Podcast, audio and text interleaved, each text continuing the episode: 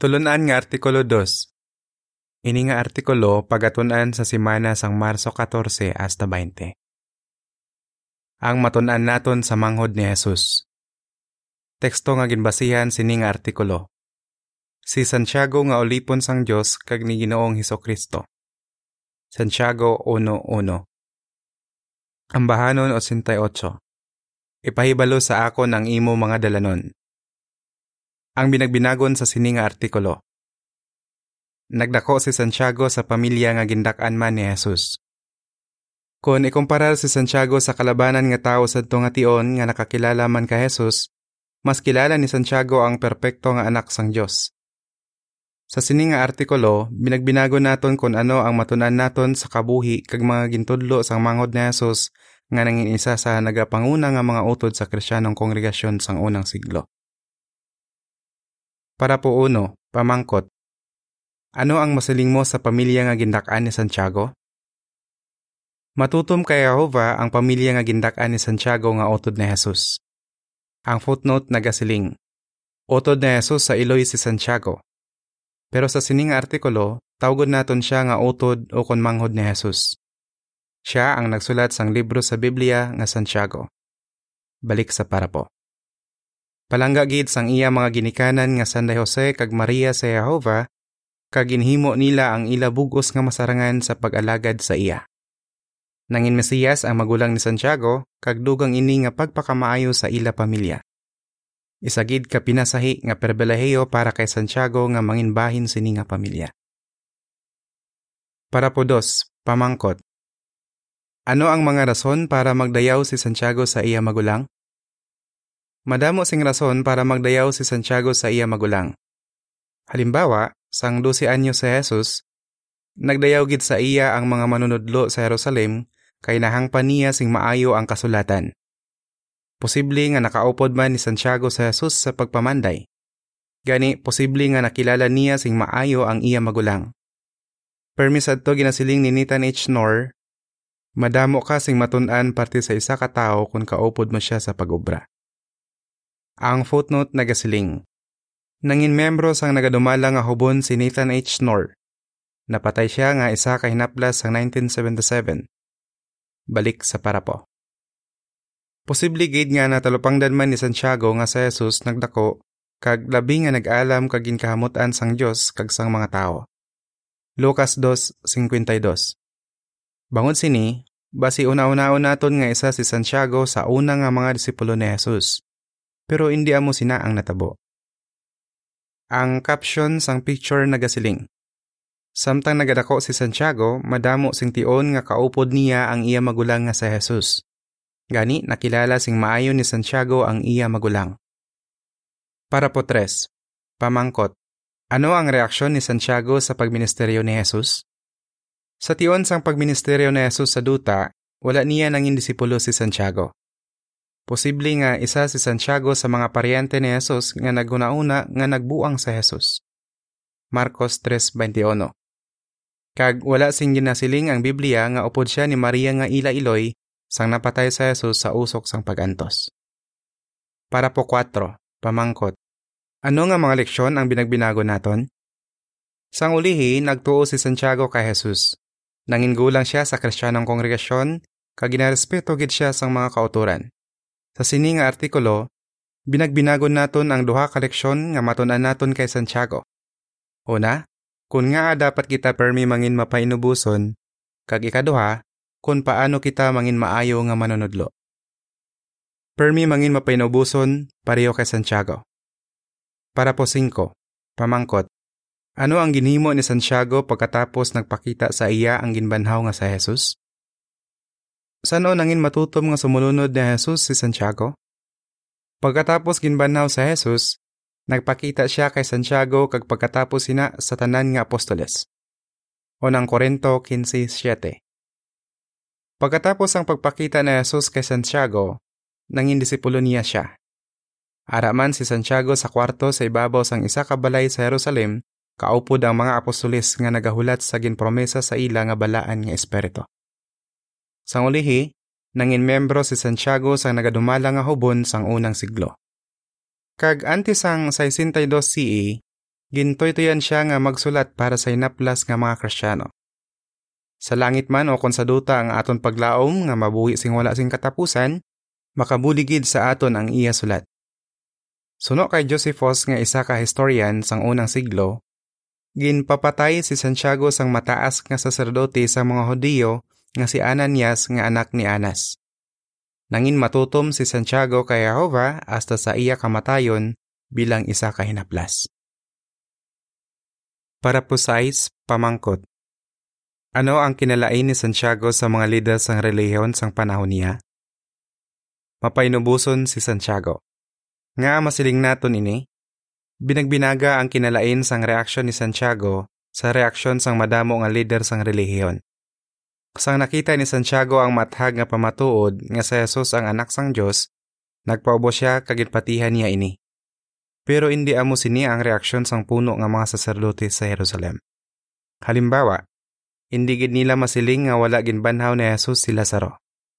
Pero embes nga batono nila nga ginpadala ni Jehova sa Jesus, gintingwaan pa nila nga patyon sa Jesus kag si Lazaro. Sang ulihi, sang ginbanhaw sa Jesus, gintingwaan nila nga taguon ini sa mga tao. Bangod sang bugal sini mga leader sang relihiyon, ginsikway nila ang Mesiyas. Para po siyete, pamangkot. Nga hindi kita dapat mangin bugalon?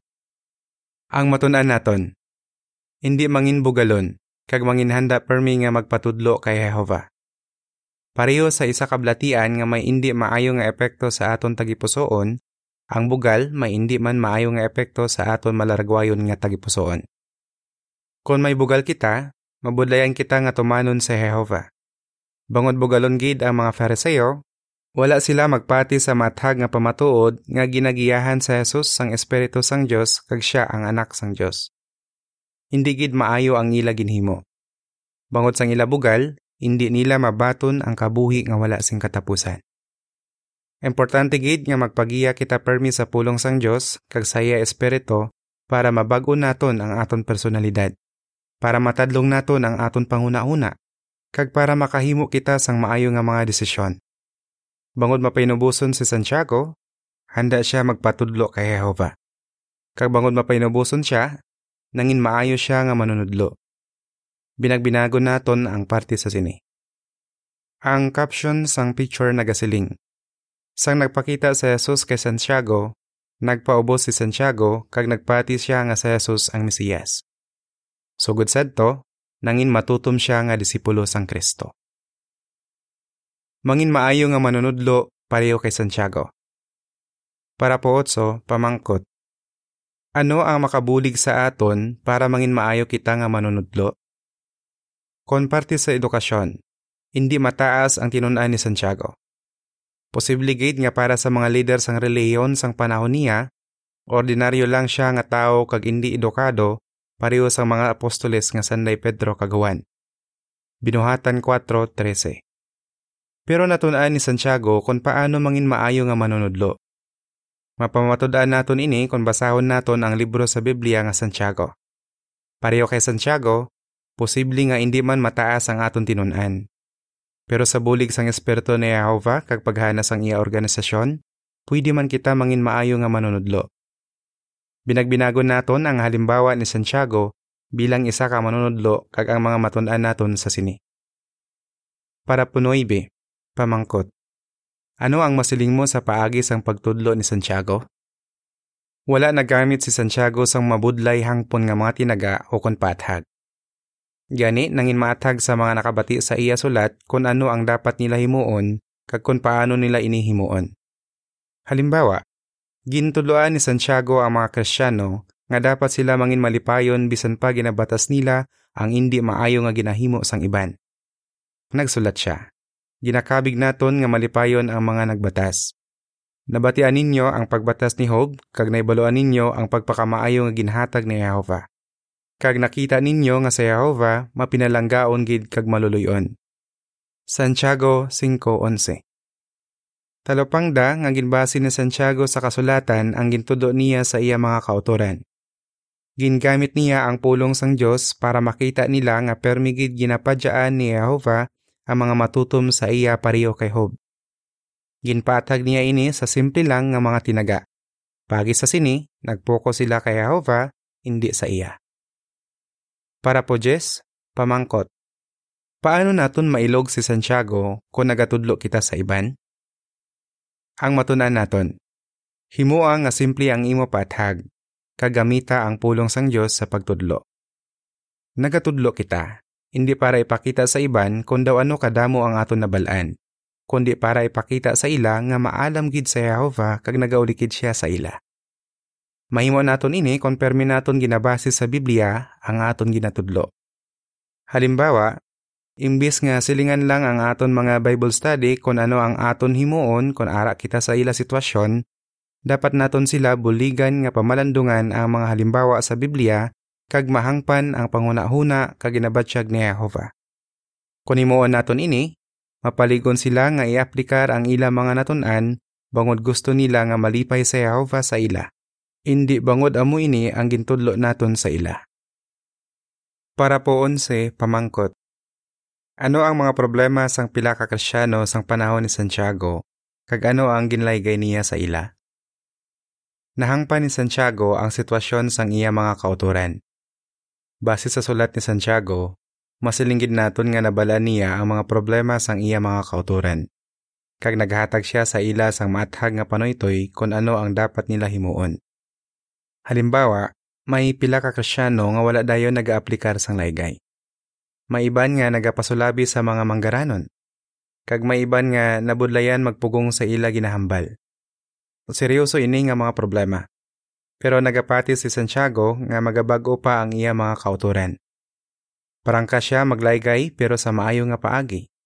Kagin paligon niya ang mga maluya sa espiritual nga magpabulig sa mga gulang. Ang Santiago 5.13 hasta 15 nagasiling. May nagaantos balas ang kabudlayan sa inyo. Magpadayon siya sa pagpangamuyo. Mayara bala malipayon sa inyo. Magamba siya sa mga salmo. May nagamasakit bala sa inyo.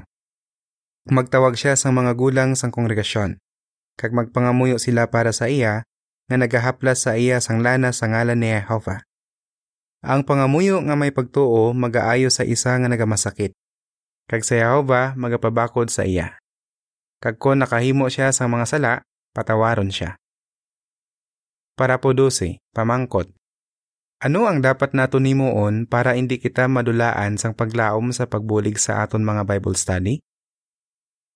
Ang matunan naton, hangpa ang sitwasyon sang iban, kag indi madulaan sang paglaom. Madamo sa aton mga Bible study ang nabudlayan mag-aplikar sa mga laygay sang Biblia. Posible nga kinahanglan nila ang malawi nga tion para madula nila ang ila malain nga batasan kag mapakita nila ang maayo nga mga kinaiya. Pareho kay Santiago, dapat naton sila prangkahon kung ano ang ila dapat baguhon. Hindi man kita dapat madulaan sang paglaom. Dapat kita magsalig kay Jehova nga buyoko niya ang mga mapinubuson pakadto sa iya kagataga niya sila sing kusog para makahimo sila sang mga pagbago. Para po 13, pamangkot. Suno sa Santiago 3.2, kag sa footnote sini, ano ang ginsiling ni Santiago? Wala gin pakataas ni Santiago ang iya kaugalingon. Wala niya ginunahuna nga labaw siya sa iya mga kauturan bangod utod niya sa Yesus o kun bangod may pinasay siya nga mga assignment. Gintawag niya sila nga mga hinigugma ko nga kauturan.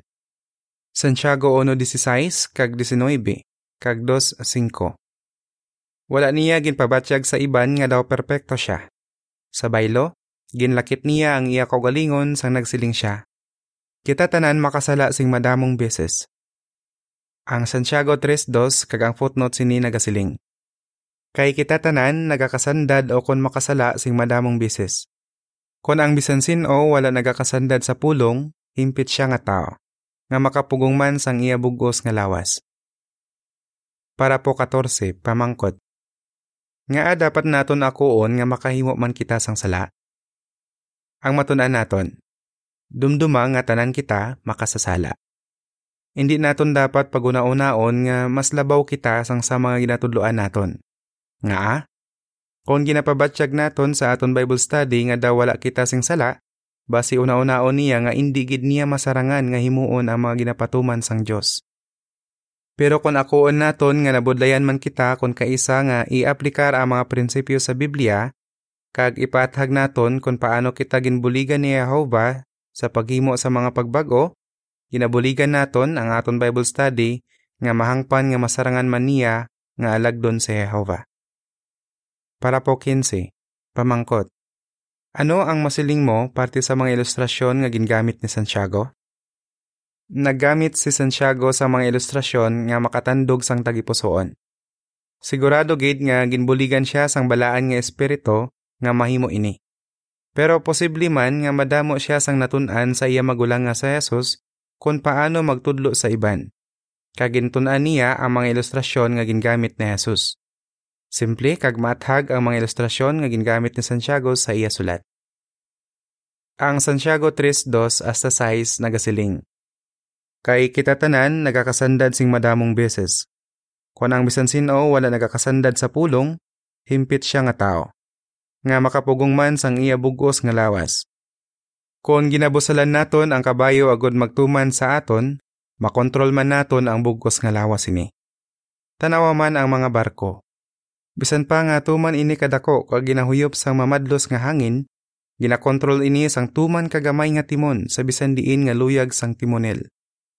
Auman ang dila. Bisan gamay lang ini nga bahin sang lawas, apang nagapabugal gid ini. Tuman kagamay lang nga kalayo ang kinahanglan agud masunog ang dako nga kagulangan. Bueno, ang dila kaangay sang kalayo. Sa tanan nga bahin sang aton lawas, ang dila amo ang pinakamalaot. Kay ginahikuan sini ang bugos nga lawas kag ginasunog ang bugos nga kabuhi sang isa. Kag nagalaglag kaangay sang gehena. Ang bersikulo 10 hasta 12 nagasiling. Halin sa isa lang kababa nagagawa ang pagdayaw kag ang pagpakamalaot. Mga kauturan ko, hindi ini husto.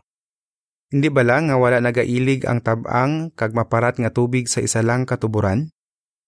Mga kauturan ko, hindi ba lang nga wala nagapamunga ang kahoy nga higera sing mga olibo o kon ang puno sang ubas sing mga igos? Ang maparat nga tubig hindi man makahatag sang tabang nga tubig. Para po 16, pamangkot. Nga dapat kita magamit sang epektibo nga mga ilustrasyon? Ang matunan naton. Magamit sang epektibo nga mga ilustrasyon. Kung nagagamit kita sa mga ilustrasyon nga bagay gid sa aton ginatudlo, ginabuligan naton ang mga tao nga imaginon ang mga punto. Mabuligan sila sini nga mga ilustrasyon nga matandaan ang importante nga mga kamatuoran sa Biblia. Maayo gid magamit sa Jesus ang epektibo nga mga ilustrasyon, kag ginsunod sang iya utod nga si Santiago ang iya halimbawa. Binagbinagon naton ang isa ka ilustrasyon ni Santiago, kag tan-awon naton kun nga a epektibo gid ini. Ari ang pathag sa mga picture nga gingamit para sa parapo 15 kag 16.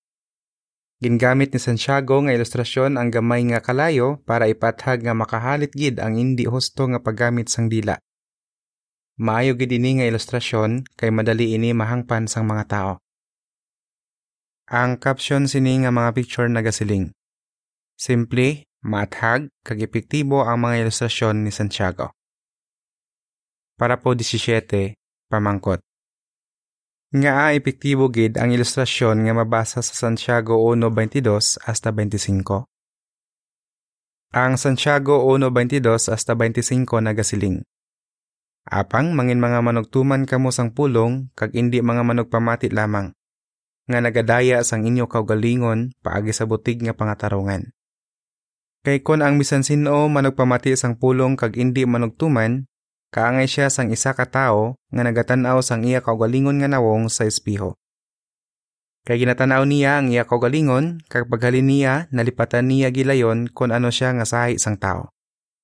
Apang ang isa nga nagatulok sing maayo sa himpit nga kasuguan nga nagadala sang kahilwayan kag nagapadayon sa sini, hindi malipaton nga manugpamati, kundi manugtuman sing hilikoton, kag mangin malipayon siya sa iya ginahimo. Epektibo gid ang ilustrasyon ni Santiago parte sa espiho. May isa ka punto nga gusto gid niya itudlo. Gusto niya ipathag nga para makabulig sa aton ang pulong sang Dios, hindi lang naton ini pagbasahon, kundi dapat naton i-aplikar ang aton mga natunan. Mapos mahangpan ang ilustrasyon nga gingamit ni Santiago. Parte ini sa isa ka tawo nga nagapangispiho. Ano ang gusto niya itudlo? Kung nagpangispiho ang isa ka tawo, kag may nakita siya nga dapat kayuhon sa iya itsura, pero wala niya ini ginhimo, wala sing pulos ang iya pagpangispiho. Mangin wala sing pulos man ang aton pagbasa sang pulong sang Dios, kung wala kita sing may ginhimo, bisan pa nakita naton nga may dapat kita baguhon sa aton personalidad. Para po 18, pamangkot. Ano ang tatlo ka butang nga dapat naton himuon kung nagagamit kita sang ilustrasyon? Kung nagagamit sang ilustrasyon, may lugmo si Santiago pagi sa paghimo sining tatlo ka butang. Una, siguraduha nga bagay sa punto nga imo ginatudlo ang gamiton mo nga ilustrasyon. Kaduha, Gamita ang ilustrasyon nga madali mahangpan sang imo tagpalamati. Ikatlo, siguraduha nga matag ang punto sang ilustrasyon. Kung wala ka sang mauna-una nga ilustrasyon nga bagay sa imo topiko, tanawa ang Watchtower Publications Index. Sa topiko nga illustrations, madamo sang halimbawa nga pwede mo gamiton. Pero tandai nga ang mga ilustrasyon da pareho sa mikropono. Paagi sa paggamit sang mikropono, mangin maatag pagid ang imo tingog. Gani paagi sa paggamit sang ilustrasyon, mangin maatag pagid ang punto nga gusto mo itudlo. Pero siguraduha nga ang importante lang nga mga punto nga gusto mo itudlo ang gamitan mo sang ilustrasyon. Gusto naton pauswagon ang aton ikasarang sa pagtudlo, hindi para dayawon kita, kundi para madamo kita sang mabuligan nga mangin bahin sang malipayon nga pamilya ni Jehova. Para po 19, Pamangkot. Paano naton mapakita nga palangga naton ang aton mga kauturan? Isagid ka pribilehiyo para kay Santiago nga may magulang siya nga perpekto. Wala kita sang perpekto nga utod, pero may pribilehiyo kita nga mag-alagad kay Jehova kaupod sang aton madamo nga kauturan.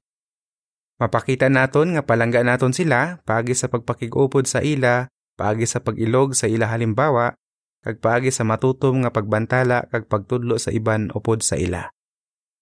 Kon panikasugan naton nga ilugon ang mga kinaiya, ginhimo kag paagi sang pagtudlo ni Santiago, ginapadunggan naton sa Jehova kag ginabuligan naton ang mapinubuson nga mga tao nga manginsuod sa aton may gugmaon nga amay sa langit.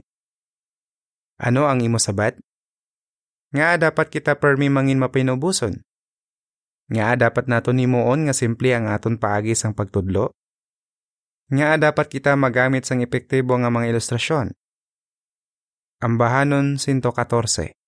Mangin mapinasinsyahon. Diri natapos ang artikulo.